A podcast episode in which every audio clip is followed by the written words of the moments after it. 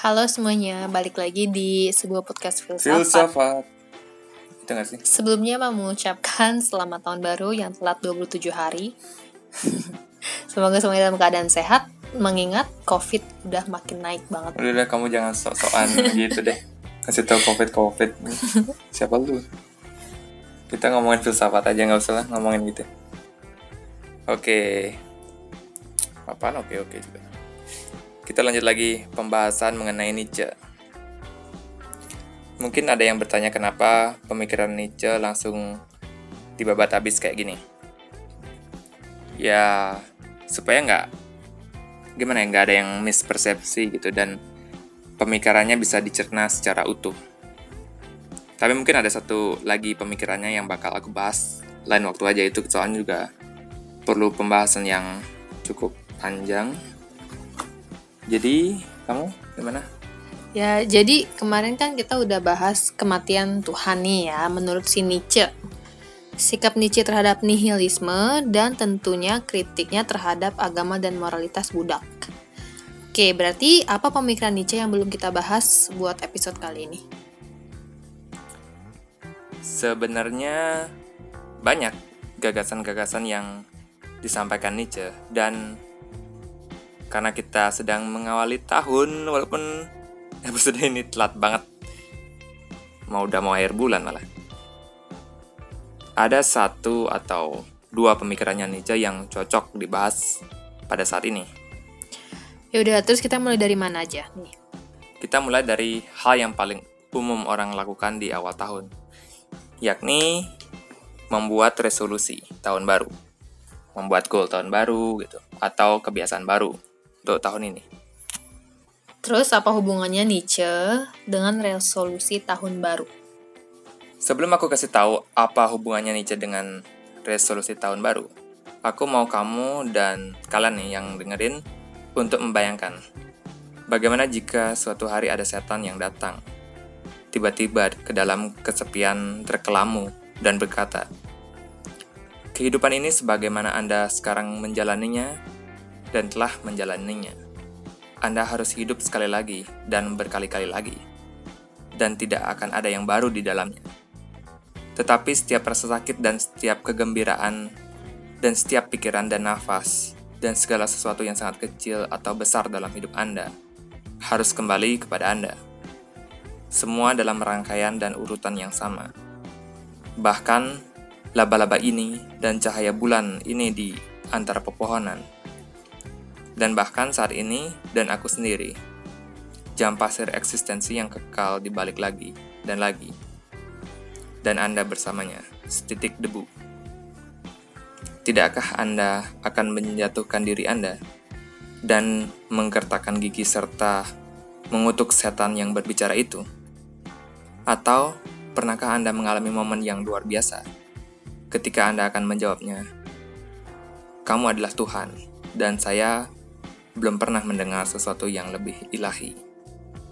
Pasti itu aforismenya si Nietzsche ya kan? Iyalah, ya kali aku bisa bikin sepuitis itu. Oke, coba kita breakdown nih menjadi lebih simple. Jadi, tiba-tiba ada setan yang menghampiri aku. Terus bilang bahwa hidup yang sedang aku jalani sekarang ini nih, udah pernah aku jalani sebelumnya. Bukan hanya sekali atau dua kali, tapi malah berkali-kali dan akan terulang lagi nantinya. Dan dalam kehidupan yang berulang tersebut, tidak akan ada yang berbeda. Semua bakalan sama. Bahkan laba-laba yang berada di pojokan kamarku juga akan ada di waktu dan tempat yang sama.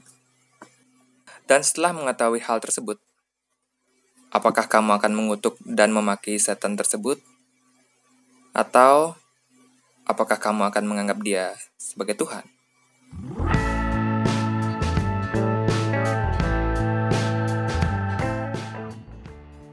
Bingung kenapa kita bisa menganggap setan yang tiba-tiba muncul itu sebagai Tuhan. Ini ngajarin satanisme atau gimana sih? Ya enggak lah, aku Aku kan jawab hal ini nantian. Jadi kalian coba pikir pikirin dulu nih.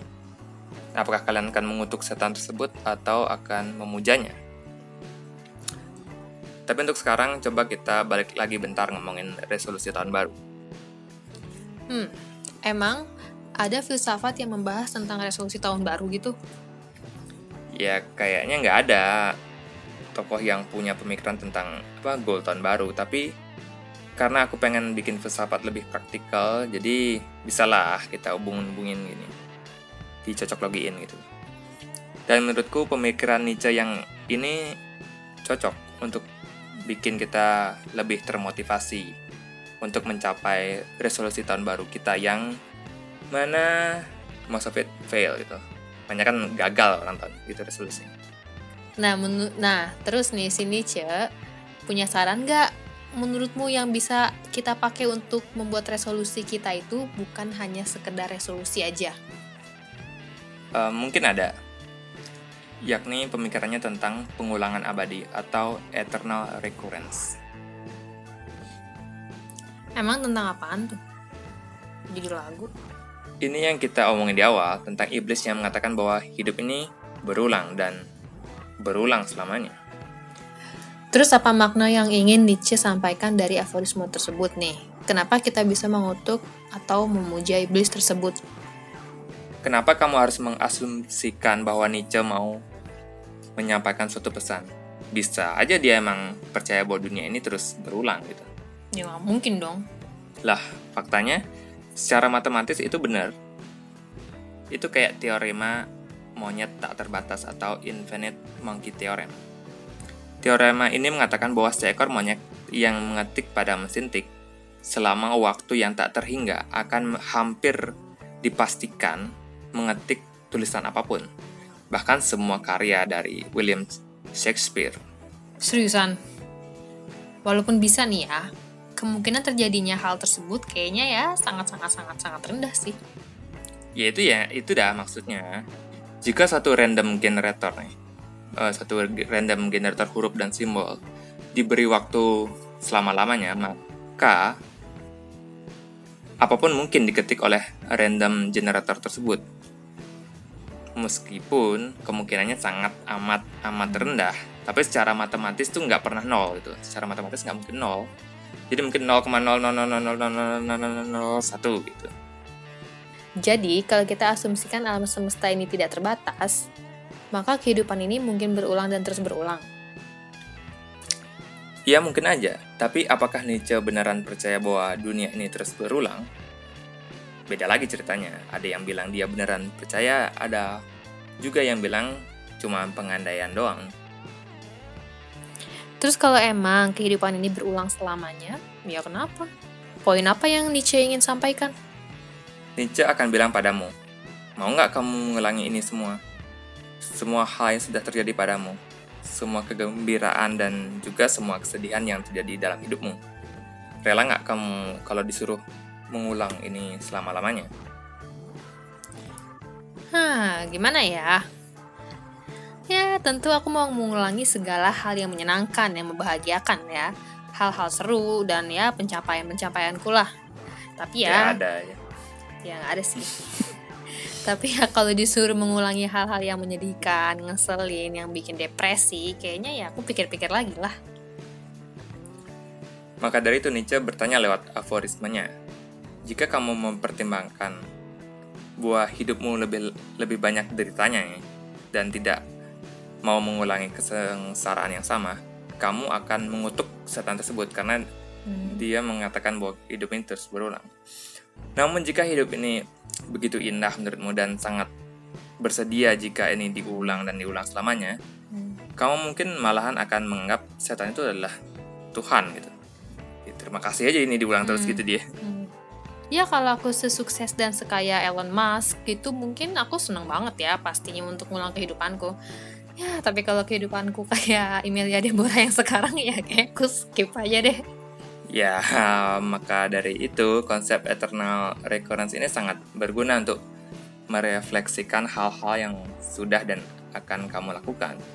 Jika kamu sudah diberitahu oleh setan itu bahwa hidup ini berulang selamanya, masih maukah kamu apa menyia-nyiakan tiap detik hidupmu untuk melakukan hal-hal yang tidak berguna dan tidak produktif gitu? Atau kamu bakal memaksimalkan setiap harimu supaya hal tersebut layak untuk diulang selamanya. Oh, jadi itu yang Nietzsche mau sampaikan. Ya, bahwa kita nggak boleh menganggap hidup ini cuma sekedar aja gitu. Jalani kehidupan ini sampai kamu rela ini akan diulang selama-lamanya. Yoi, dan seperti yang kita tahu dari episode sebelumnya, Nietzsche sangat tidak suka dengan true world theory. Jadi lewat eternal recurrence ini, dia ingin menyampaikan untuk tidak terlalu fokus dengan dunia lain yang lebih sempurna. Gimana kalau ternyata eternal recurrence adalah sebuah kebenaran gitu? Pasti kita akan fokus membuat kehidupan ini makin baik dan makin baik setiap harinya. Daripada hidup cuma buat berpindah ke dunia yang lebih ideal dan lebih sempurna. Dan hal ini sejalan dengan pemikiran Nietzsche yang ingin aku sampaikan berikutnya, yakni the will to power. Apalagi nih, kayaknya ada hubungannya dengan kekuasaan dari judulnya. Ya iyalah ya. Ya kalau diterjemahkan kan ya, jadinya kehendak untuk berkuasa.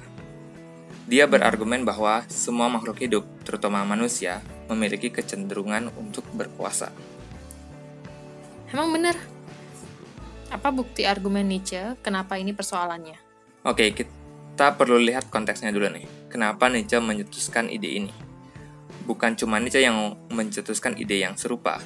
Sigmund Freud misalnya Bapak psikologi ini mencetuskan uh, pleasure principle atau prinsip kesenangan bahwa manusia atau makhluk hidup mana pun mencari kesenangan, kenikmatan gitu dan menghindari rasa sakit. Atau kita bisa bilang ini adalah the will to pleasure gitu. Kehendak untuk bersenang-senang. Terus ada juga pemikiran dari Dr. Viktor Frankl mengenai the will to meaning yang mana berarti bahwa penggerak utama manusia adalah keinginan untuk mencari makna dalam hidup ini. Tapi ide awal yang membuat Nietzsche terinspirasi adalah pemikirannya Arthur Schopenhauer mengenai the will to live, yang tentu jelas berarti kehendak untuk hidup. Oh, jadi menurut si Schopenhauer, makhluk hidup ingin hidup dan menghindari kematian. Iya, simple kan? Tapi Nietzsche agak tidak setuju dengan ide tersebut. Menurut Nietzsche, itu bukan hanya sekedar untuk bertahan hidup, gitu. tapi bukan cuma sekedar survival, tapi bagaimana kita bisa menguasai hidup ini. Buktinya? Ya lihat aja sekarang peradaban manusia. Udah sampai mana? Jika emang kita memiliki kehendak untuk bertahan hidup doang gitu, maka pasti kita masih tetap menjadi apa manusia gua gitu. Tapi faktanya manusia membuat inovasi dan selalu mencoba untuk menaklukkan alam dan sekitarnya. Kita mulai berhenti berburu dan memulai agrikultur, lalu memulai membuat peradaban dan kita terus menggunakan will to power untuk sampai pada saat ini. Ya, make sense sih. Jadi dalam hidup ini, kita harus mengejar kekuasaan menurut si Nietzsche. Tapi, power dalam the will to power, apa maksudnya? Soalnya power agak abstrak ya. Iya, power atau kekuatan atau kekuasaan menurut masing-masing individu berbeda-beda. Ada yang menganggap mencapai kekuasaan berarti jabatan tinggi, uang melimpah gitu. Properti yang banyak dan dan ada juga ya, orang yang beranggapan kekuasaan adalah berhasil apa ngurus kebun atau tanaman di rumahnya. Sesimpel itu. Tapi pesan yang ditekankan oleh Nietzsche adalah hasrat bertarung, berjuang, dan secara proaktif mencoba memperbaiki keadaan. Dia juga membahas hal ini di The Gay Science. Gini tulisannya di bukunya. Karena percayalah padaku, rahasia untuk menuai dari keberadaan keberhasilan terbesar dan kenikmatan terbesar adalah hidup berbahaya. Bangun kota Anda di lorong Vesuvius. Kirim kapal Anda ke laut yang belum dipetakan. Hidup berperang dengan teman-teman dan dirimu sendiri Jadilah perampok dan penakluk selama Anda belum bisa menjadi penguasa dan pemilik. Anda sang pencari ilmu. Zaman akan segera berlalu ketika Anda bisa puas hidup bersembunyi di hutan seperti rusa pemalu. Akhirnya, pencarian pengetahuan akan mencapai haknya. Ia akan ingin menguasai dan memiliki, dan Anda bersamanya. Panjang banget ya, agak ribet sih. Kalau aku boleh persingkat ini jadinya hidup seperti Larry gitu aja sih. Aduh, jadi Nietzsche ini filosofinya benar-benar agresif ya? Yoi, nggak kayak stoikisme atau mungkin juga buddhisme yang bilang cukup mengontrol apa yang kita bisa kontrol. Ini pikiran kita.